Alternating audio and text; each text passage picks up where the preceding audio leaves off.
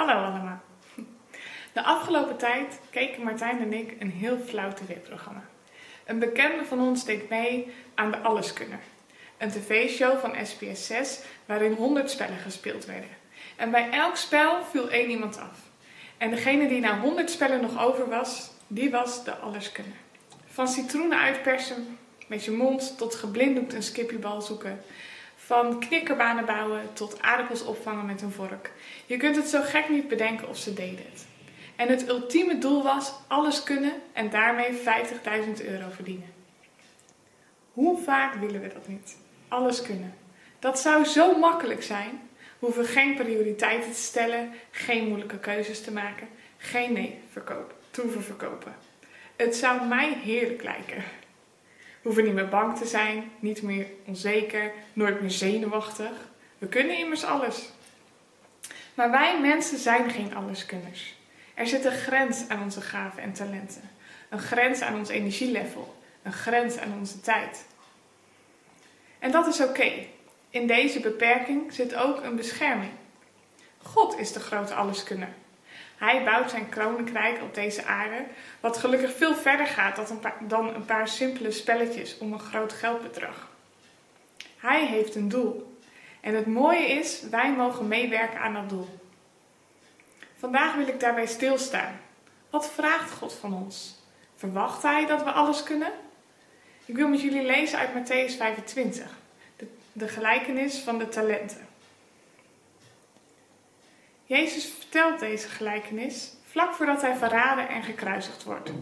Hij heeft net Jeruzalem verlaten en tegen de Fariseeërs gezegd: Ik verzeker jullie, vanaf nu zullen jullie mij niet meer zien, tot de tijd dat je zult zeggen: Gezegend is hij die komt in de naam van de Heer. En nadat hij dat gezegd heeft, is hij naar de Olijfberg gegaan. En daar vragen de leerlingen hem: Wat gaat er nu allemaal gebeuren? En waaraan kunnen we merken dat die nieuwe aarde er komt? En dan geeft Jezus zijn laatste toespraak voordat hij sterft. En die toespraak beslaat heel Matthäus 24 en 25. En daarin vertelt Jezus onder andere drie gelijkenissen. De eerste gelijkenis gaat over een heer die naar het buitenland vertrekt en zijn huishouden overlaat aan een slaaf. En als de heer weg is, begint zijn slaaf zijn medeslaven te slaan en feest hij erop los. Hij leeft totaal niet met de verwachting dat zijn heer ook weer terugkomt. De tweede gelijkenis van Jezus gaat over de vijf wijze en de vijf dwaze meisjes. Waarschijnlijk kennen jullie het verhaal.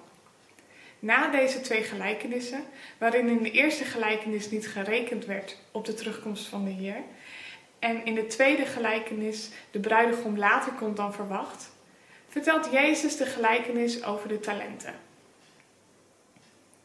De dienaren in deze gelijkenis waren wel voorbereid op de terugkomst van hun Heer, en ze verwachten hem ook, maar toch krijgen ze niet allemaal dezelfde beloning, omdat ze anders gehandeld hebben.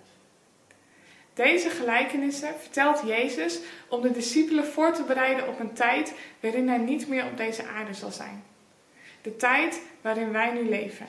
En hij gaf hen en daarmee ons uitleg over wat hij verwacht, van ons verwacht als hij weer terugkomt. Vandaag wil ik wat verder ingaan op de gelijkenis van de talenten. Laten we die met elkaar lezen in Matthäus 25, vers 14 tot en met 30. Dan zie ik jullie zo terug. Als we verder inzoomen op de gelijkenis met de talenten, lezen we over vier personen: één Heer en drie dienaren. In deze gelijkenis staat de Heer voor Jezus en de dienaren voor de discipelen.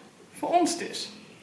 Jezus is het die zijn discipelen achterlaat en na een lange tijd pas weer terugkomt. En voor de tijd dat hij weg is, laat hij iets achter. In de gelijkenis zijn dit talenten. En het woord talenten is een beetje verwarrend.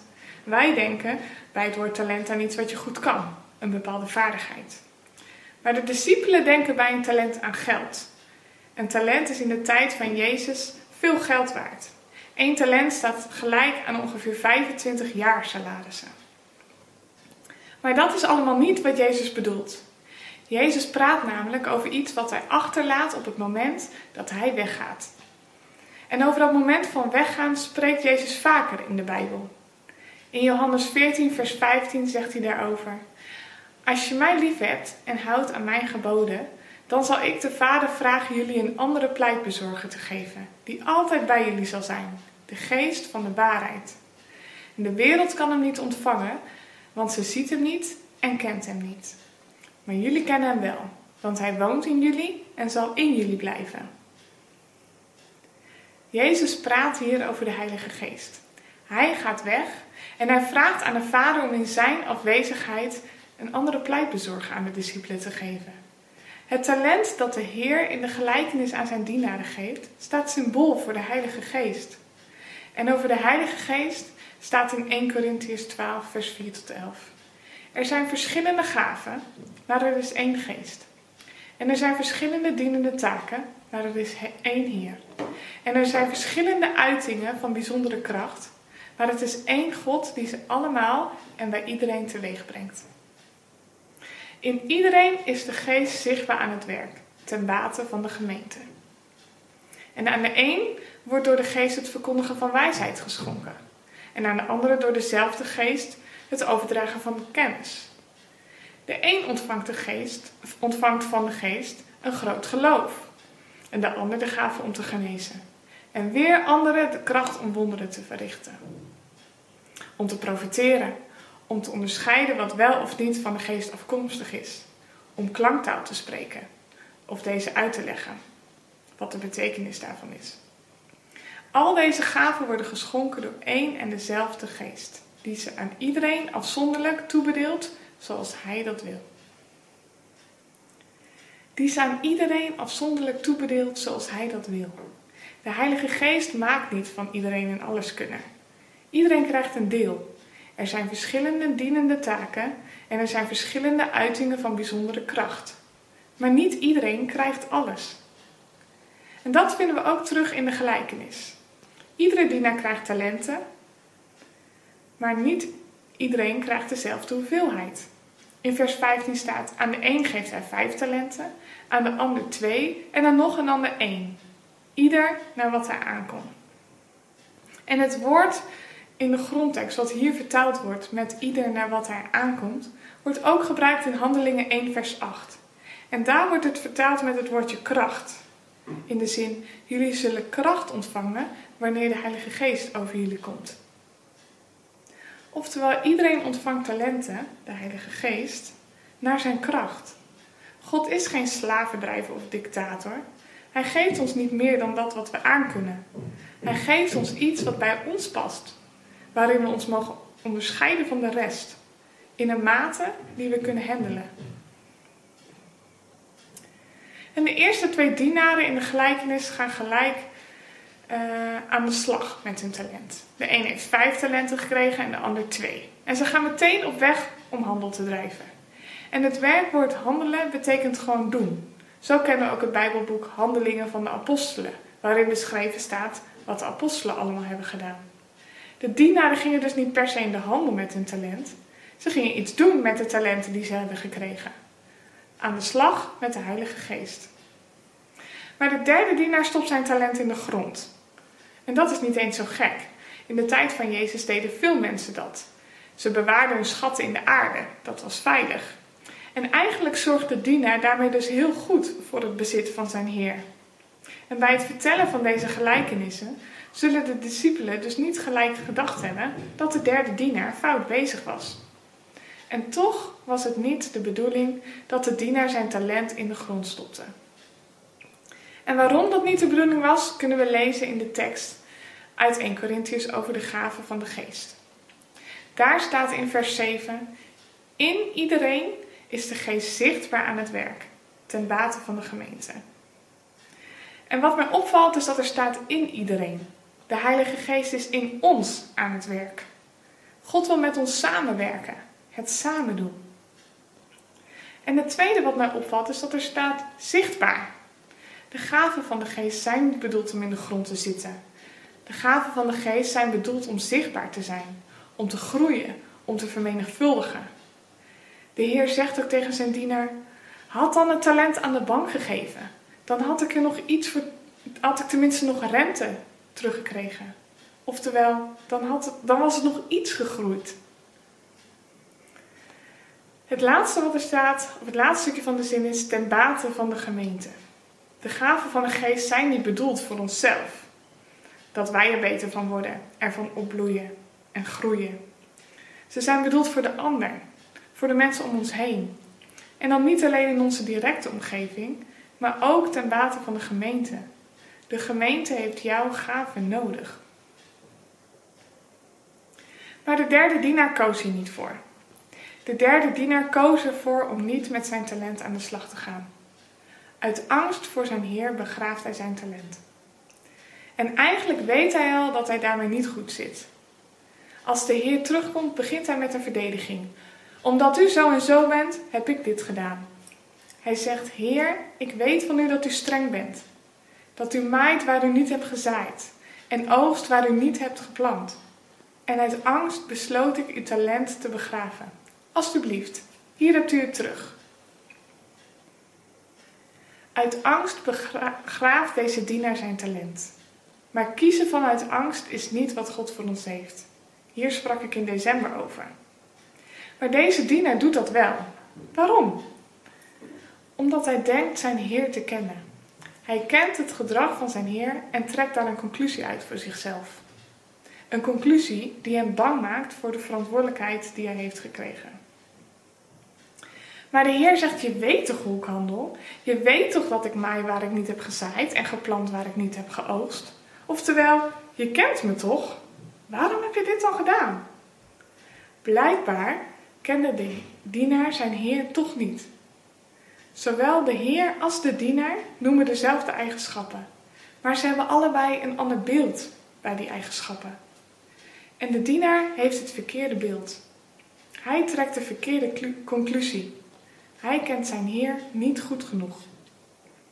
En dat zorgt ervoor dat hij geen goede keuze maakt met zijn talent. Hij begraaft zijn talent in de grond en het groeit niet.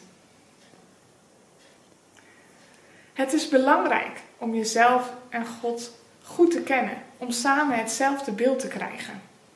Hetzelfde beeld over wie God is, hetzelfde beeld over wie jij bent en hetzelfde beeld over wat Hij van jou vraagt. Wat jullie gezamenlijke doel is. En dat gaat niet vanzelf. Dat kost tijd. Een goede relatie krijg je niet 1, 2, 3. En ik wil kort hierover iets met jullie delen uit mijn eigen leven.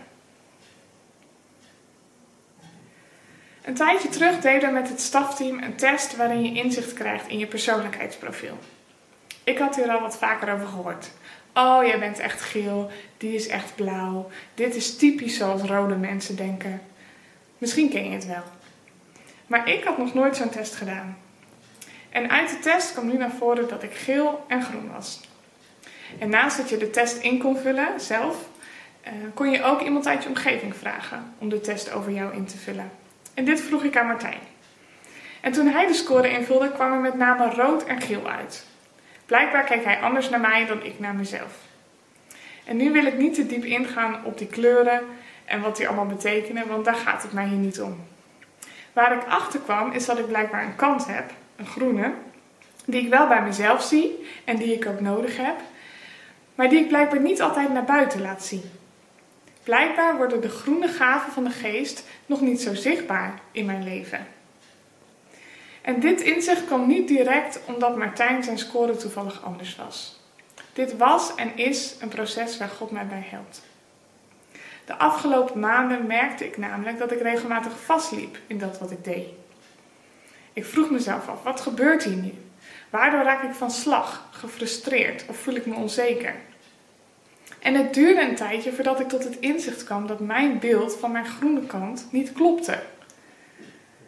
Ik had een negatief beeld van mijn groene gaven, zoals de dienaar een negatief beeld had van het gedrag van zijn Heer. En daardoor heb ik de afgelopen jaren weinig ruimte gemaakt voor mijn groene kant. Ik had mijn groene gaven in de grond gestopt.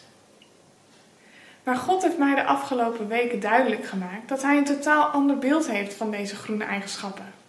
Hij heeft deze groene gaven in mij gelegd met een reden. Hij vindt de groene kant fantastisch. En hij vraagt niet van mij om zoals die ander te zijn die rood is of blauw. Hij vraagt mij om groen te zijn. omdat dat is wat Hij voor mij heeft. En omdat Zijn beeld van die groene eigenschappen heel anders is dan de mijne. Ik mag nu leren dat mijn groene gaven veel brengen en dat ik en God die nodig hebben. Wanneer we aan de slag gaan met onze gaven, is het belangrijk dat we God goed kennen. Het is belangrijk om zijn karakter te kennen, om zijn woord te lezen. Alleen als we een goede relatie met hem hebben, krijgen we hetzelfde beeld van de situatie. Dan krijgen we het juiste perspectief op onze gaven. Alleen dan zijn we in staat om te handelen. Want dan hoeven we niet bang te zijn, zoals de derde dienaar in de gelijkenis. Dan mogen we het gewoon gaan doen, omdat we weten wie God is en hoe Hij naar ons kijkt. We zitten in de tijd voor Pasen. De tijd waarin de discipelen deze toespraak hoorden. Een toespraak waarin Jezus de tijd nam om de discipelen voor te bereiden uh, en uit te leggen wat hij van hen vroeg. Wat hij belangrijk vond. En Jezus zegt daarin: bereid je voor op mijn terugkomst. Handel met de geest die ik jullie gegeven heb. Of die ik jullie geef toen tegen de discipelen. En nog steeds is dat wat hij van ons vraagt. Hij vraagt jou zijn koninkrijk op aarde te brengen met jouw gaven.